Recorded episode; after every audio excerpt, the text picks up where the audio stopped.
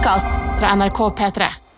Etter 14 dager i aristokratseilbåten Malicia 2 uten toalett, så ankom Greta Thunberg New York, New York.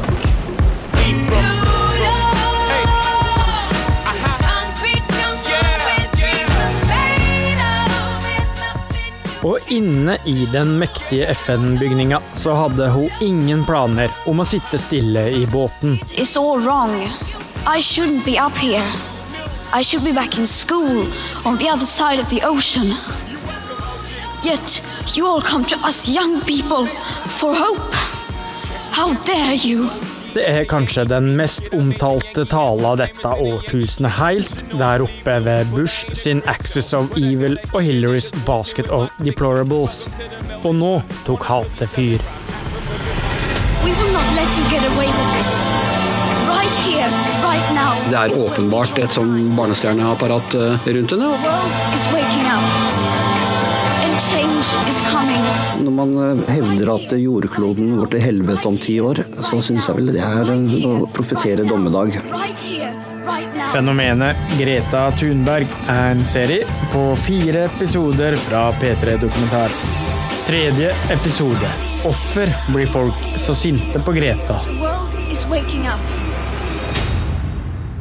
Ei lita jente på en stor talerstol. You have stolen my dreams and my childhood with your empty words.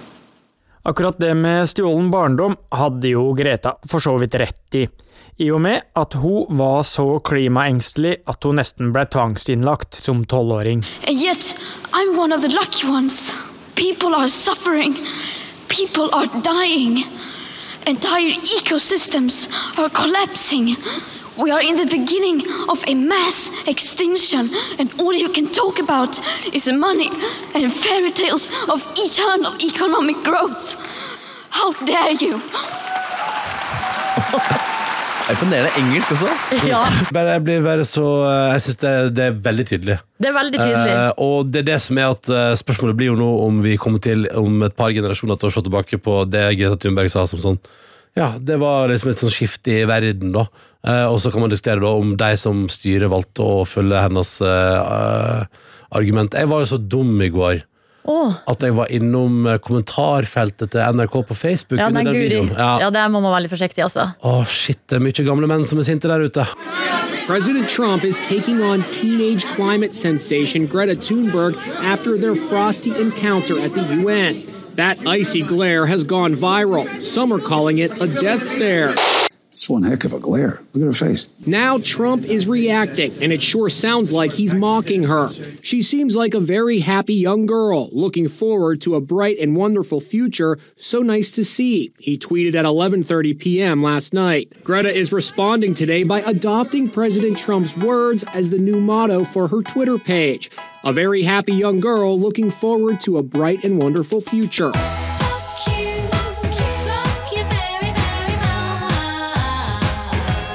Og satirikeren og Thunberg-kritikeren Donald Trump ble fulgt av andre mektige mennesker som Vladimir Putin, Erna Solberg og Kari Jakkesson. President Putin kombinerte satire med klassisk hersketeknikk. Ingen har forklart Greta at den moderne verden er kompleks og annerledes, og at folk i Afrika eller i mange asiatiske land ønsker samme levestandard som i Sverige, sa Putin og la til. Jeg er sikker på at Greta er ei snill og oppriktig jente, men de fleste voksne må gjøre alt de kan for å ikke bringe tenåringer og barn inn i slike ekstreme situasjoner. Greta finds herself et target of some ugly attacks. The mentally ill Swedish child One conservative podcast host actually called the teenager who has been diagnosed with Asperger's syndrome mentally ill.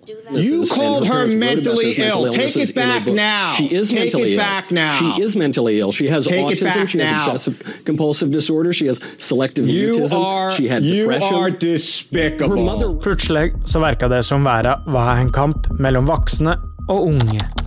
Den er skada for livet. Om hun sto og ringte på min dør og skrek like hysterisk, så skulle jeg sendt bud på barnevernet. Dette er to av de snillere kommentarene om Greta Thunberg, og nå er det blitt så ille at Camilla Viken i Unicef bare måtte si fra. Det velter opp en masse hetsing, eh, som vi aldri før har vært vitne til. At voksne henger ut barn i våre kanaler med personangrep. Det verka som den største generasjonskløfta siden unge sjokkerte med rock, langt hår, hippietid og studentopprør i 1968. Og det fremste målet for hatet nå var den spede 16-åringen fra Stockholm. Noen av de verre kommentarene går på planer om å ta livet av tenåringen, og sammenligninger av ho og nazipropagandaplakater med jenter som også har fletter. Astrajos skriver Greta er en relansering av middelalderens barnekorstog. Bibbidi Babbidi Bo skriver hun ser underutvikla ut. En ting som mange av de som ikke liker Thunberg og budskapet hennes gjør, er at de skriver at jenta er sjuk og burde beskyttes mot seg sjøl. I tillegg angriper de foreldrene og støttespillerne hennes med anklager om at de utnytter henne for å tjene penger og bli berømte. Å angripe foreldrene eller skylde på at hun ikke kan tenke sjøl, det er jo ikke ta Greta Thunberg på alvor. Ja, det er jo en hersketeknikk de bruker, da. Det tok ikke lang tid før også alvorlige konspirasjonsteorier dukka opp. Men sjøl om hatet på nettet kokte, så var også fanskaren til tenåringen i kraftig vekst etter FN-tala.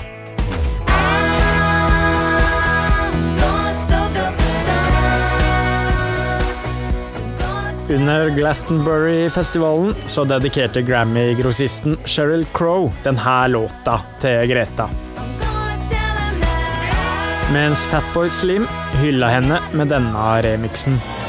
Right here, right now, is where we draw the line. The world is waking up. And change is coming, whether you like it or not. Right here, right now, right here, right now, right here. Leonardo DiCaprio møtte Greta i ei blomstereng og kalte henne a leader of our time, mens The Terminator strakk ut ei hjelpende hånd. En av de roligste tilbudene jeg har fått er at Arnold Schwarzenegger har tilbudt meg at jeg skal få låne hans elbil om jeg vil. Eh, kommer du til Sverige? Vi får se. Altså, du vet, Even i Arnold Schwarzeneggers eh, elbil så kan man få det som heter rekkeviddeangst. Ja, Man kan gå tom for batteri. ja. Då får man ladda bilen helt enkelt. Ja. Da får man ladda bilen. Også Barack Obama og Angela Merkel ordna seg et møte og selfier med 16-åringen. Norges mektigste, Erna Solberg, hadde derimot en pekefinger å by på. Hva syns du om at Greta Thunberg har blitt eh, den store rockestjernen her i New York denne uka? Jeg syns det er flott at vi har en eh, tydelig talskvinne for ungdomsengasjement for eh, klima. Så jeg mener jeg fortsatt at du kan markere det uten å droppe ut av skolen.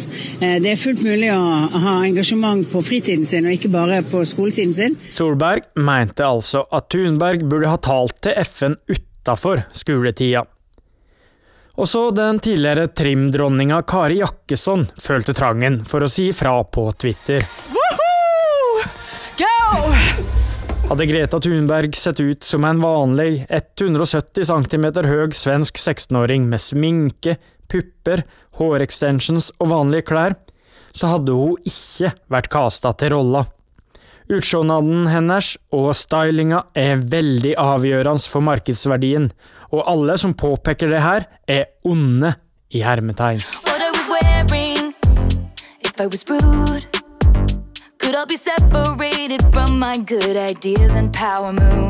Jakkesson fikk masse pepper i sosiale medier for å rakke ned på utsjonaden til en tenåring, men sett bort fra de usmakelige formuleringene, så ramla hun kanskje innom et poeng.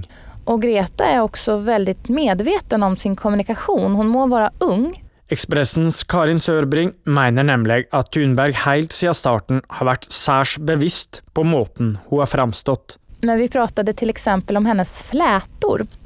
Hun hon sa at hun dels ikke tycker om når håret fladrer i ansiktet, hun tycker om å ha håret oppsatt, Men at det også var et sett å vise at hun er et barn.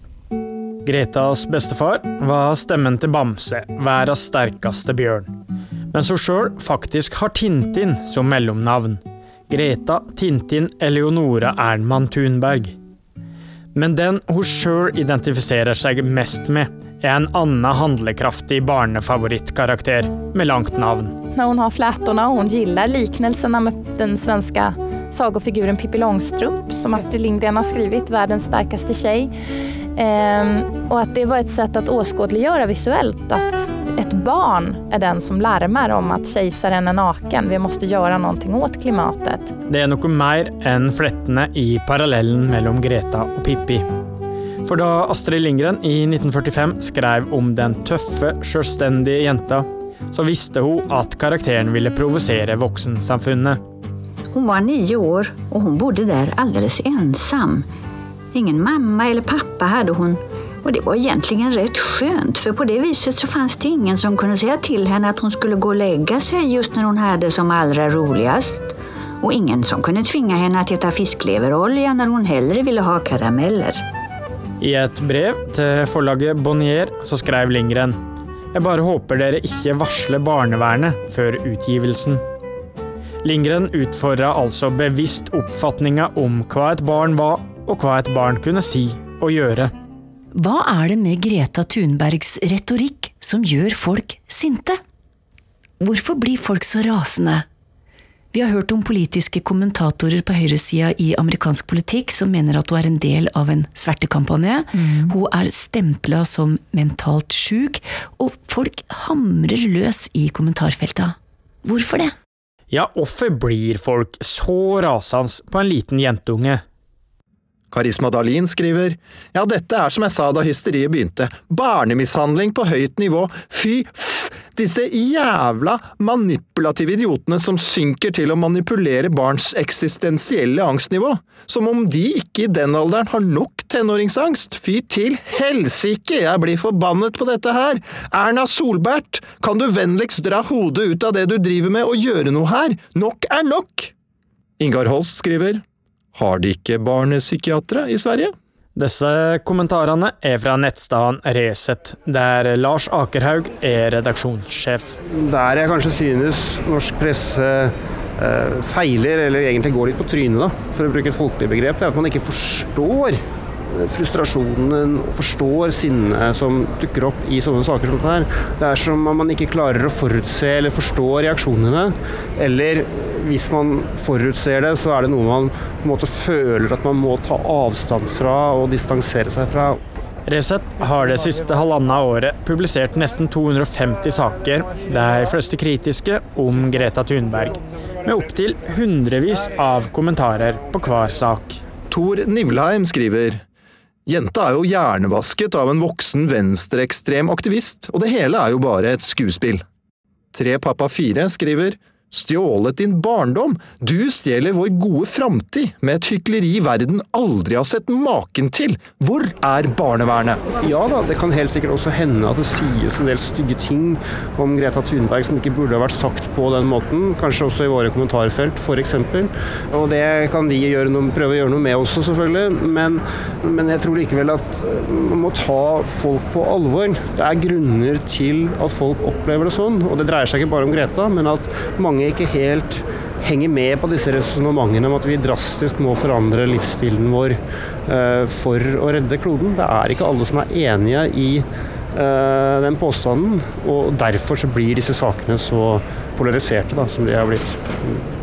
Det er det du går på? At folk hisser seg såpass masse opp, som jeg har sett det har gjort i kommentarfeltene deres? At en er redd for å miste dieselbilen sin? Jeg tror at når det kommer en 16-åring og forteller til noen som har jobbet hardt hele livet, betalt skatt hele livet, at nei, du kan ikke kjøre bil, du kan ikke fly, du må spise vegetarmat osv., osv. Så, så, jeg skjønner at folk blir uh, forbanna. Det ikke, kan godt hende at hun har noen poeng, men det handler også om måten dette sies på. Folk er generelt ikke glade i å miste privilegier eller å endre livsstil. Nesten alle Resett-lesere jeg kjenner, er veldig kritiske til innvandring. Eh, også noen tror på klimaendringer, og noen hisser seg veldig opp over klimahysteriet. Eh, men samtidig så har jeg tenkt at de som er redde for innvandring, de deler veldig mye til felles med Greta Thunberg eh, og de som er redde for klima. Det er snakk om bærekraftighet på jorda, bærekraftighet på samfunnet. Man er redd for å miste det en har. Eh, er det, er det et lite paradoks der? Ja, det er helt klart et paradoks. Altså, det, det virker, jeg tror det er veldig vanskelig for mennesker å være bekymret for for mange ting samtidig på en gang. Når det er sagt, så tror jeg også dette til en viss grad er et, et, et klassespørsmål. Uh, det er sånn at Hvis du har en fleksibel arbeidstid, så kan du sykle til jobb og hente barn med sykkel eller i barnehagen. Du kan bosette deg sånn at du ikke trenger bilen i hverdagen fordi du har råd til det.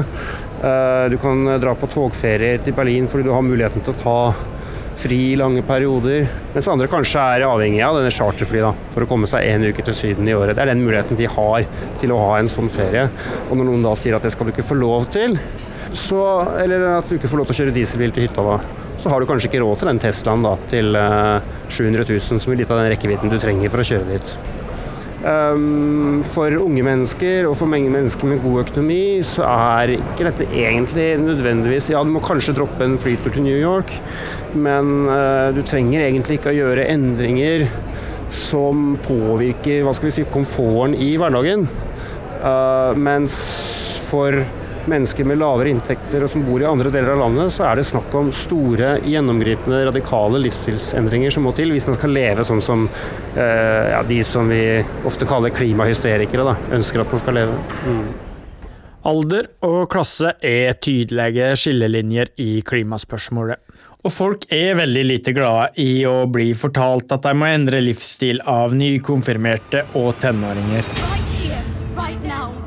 15 år gamle Leon Krogh Vignal fra Bergen var en av de som fikk erfare det.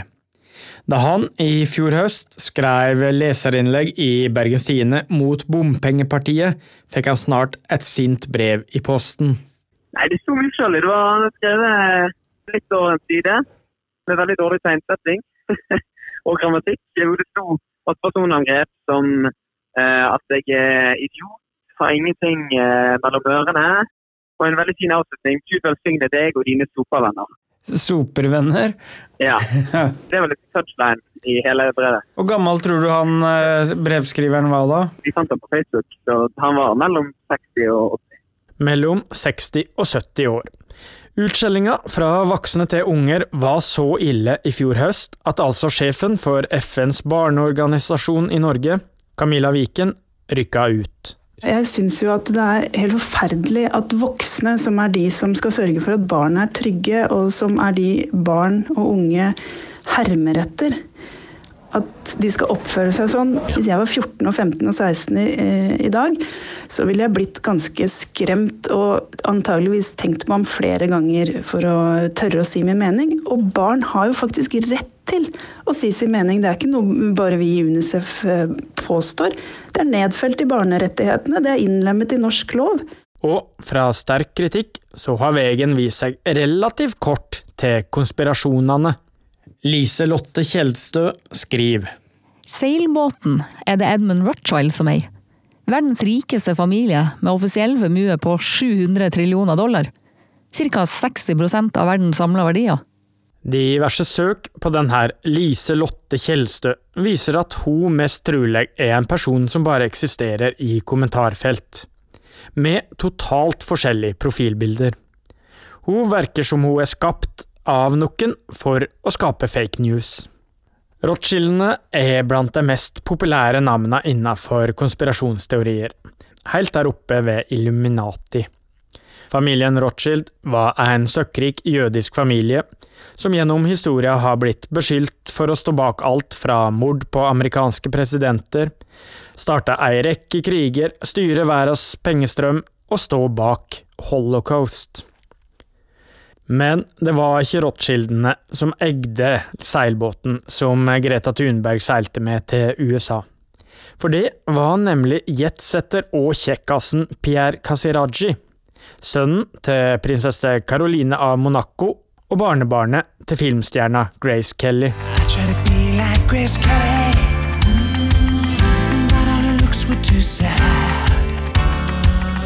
Det er ikke bare den jødiske Rothschild-familien som har blitt lenka til Greta Thunberg. Bare helt til slutt også, Anders Giæver. I det du sier, så sier du at hun blir brukt. Hvem er det som bruker henne, da?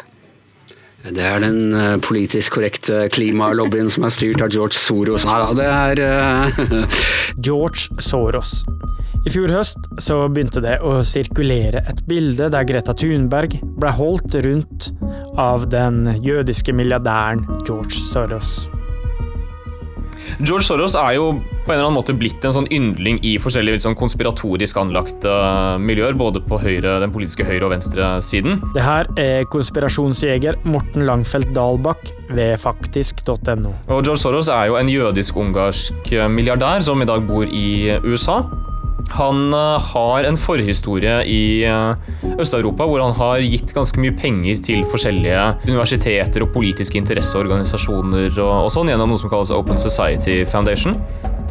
Og det er uh, generelt ganske mange ideer om at George Soros står bak alt som er vondt og vanskelig i, i verden både når det gjelder innvandring og liksom politisk manipulasjon. og Han har på en måte blitt en sånn, en sånn grå eminense som står bak en masse politiske bevegelser. Det er gjerne sånn, ting som har med globalisering, liberalisme og, og sånt å gjøre. Så det er mange, veldig mange som er skeptiske til han og har en del forestillinger om alt han er involvert i.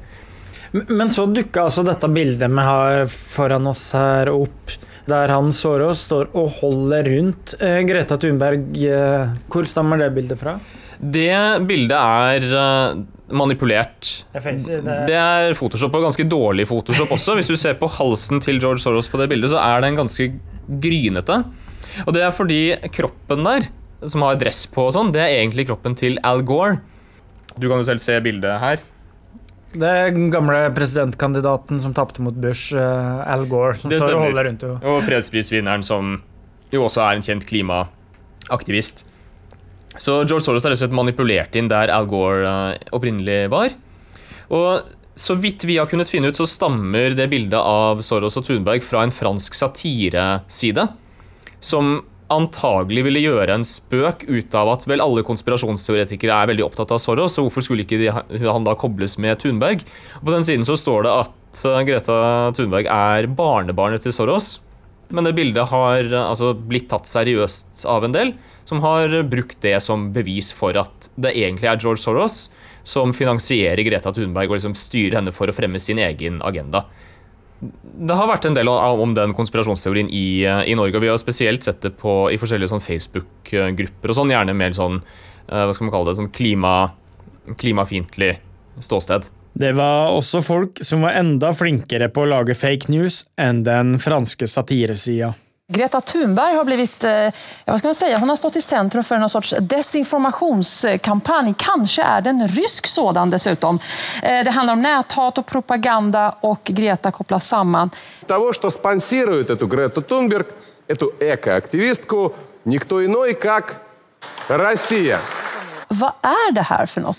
Et EU-organ som var oppretta for å motverke falske nyhender, hevda at russiske statsmedier driver med ei skittkampanje mot Thunberg.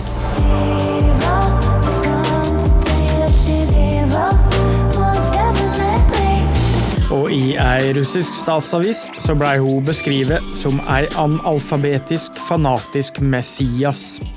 Og det ble også hevda at Thunberg var betalt og lønna av entreprenøren Ingmar Renshaug. Dahlberg og faktisk NO-gjengen har også undersøkt og avvist andre konspirasjoner rundt Thunberg, som at hun har en manager som jobber for Bill Gates, at FN-talen hennes var en kopi av ei tale en tenåring holdt i 1992, og at hun skal utredes av barnevernet. Det var også en meme på nettet som omhandla Greta og den gamle slektningen og drivhuseffektforskeren Svante Arenius, under overskrifta Klimasvindel. I Østerrike tydeligvis så var det noen som hadde påstått at han var uh, Greta Thunbergs tippoldefar, hvis jeg husker riktig. Det stemmer nesten. Uh, og mente at, de, eh, at familien på en eller annen måte tjente penger på at hun gikk rundt og hauste opp klimaendringene og sånn, og at da, man da kunne tjene penger på livsverket til Svante her, da. Og det stemmer jo at Thunberg og Arenius er i slekt, men det er veldig perifert. I tillegg så er det vel sånn at Svante Arenius først og fremst ga ut vitenskapelige verker og, og sånt, og det er ikke noe penger å tjene på det for Thunbergs uh, familie. Den konspirasjonsteorien har jeg ikke sett i, i Norge, men uh, det man kan si om den, er i hvert fall at den er bemerkelsesverdig kreativ. Og god bruk av slektstrær. That's my family tree. That's my family tree. No bad vibes, just good energy. If you know about them, then you know about me. Yeah. Sinne, hat og konspirasjonsteorier er én ting, men hva med panikk? Skremmer Greta Thunberg? I neste episode går verden under. Fred Heggen, du er eh, psykiater og fast blogger i eh, Nettavisen. Jeg, jeg syns ikke man skal være så veldig bekymret for Greta Thunberg. Jeg syns heller man skal tenke litt på alle de barn og unge som tror på henne, og som tar hennes uh, dommedagsprofetier på alvor. Ja, men det er vel det at det Greta Thunberg forsøker å gjøre, er jo å få folk til å få panikk. Og det er fryktelig dumt å få panikk. Altså Hvis et barn ber deg om å få panikk, så må man som voksen si at nei, hvis man har panikk, så gjør man veldig dumme ting. Da tenker man feil. Da gjør man feil handlinger. I hva grad har psykiater Fred Heggen og andre kritikere rett i at Greta skremmer og overdriver? Er verden virkelig så nær undergangen som Greta gir inntrykk av? Right here, right now. Du er sannsynligvis en helt vanlig person som går rundt i livet ditt og gjør helt sånn vanlige ting. Og når du gjør vanlige ting i livet ditt, så skjer det også helt vanlige ting. Nesten alltid. Men ikke hver gang. Jeg innser brått da at jeg er stuck inni denne, ja, denne Volkswagen Transporteren. Kunne vært meg er podkasten hvor vi har samla deres historier om de gangene livet har tatt en helt uventa sving. Og mens jeg kommer ut der, så føler jeg liksom at jeg blir født på ny, for jeg er jo helt naken. Jeg er gjennomsvett. Jeg har vært innestengt i flere timer, og jeg kommer ut og jeg bare Herregud! Jeg er fri! Fri! Kunne vært meg. Kunne vært meg. Det kunne vært meg.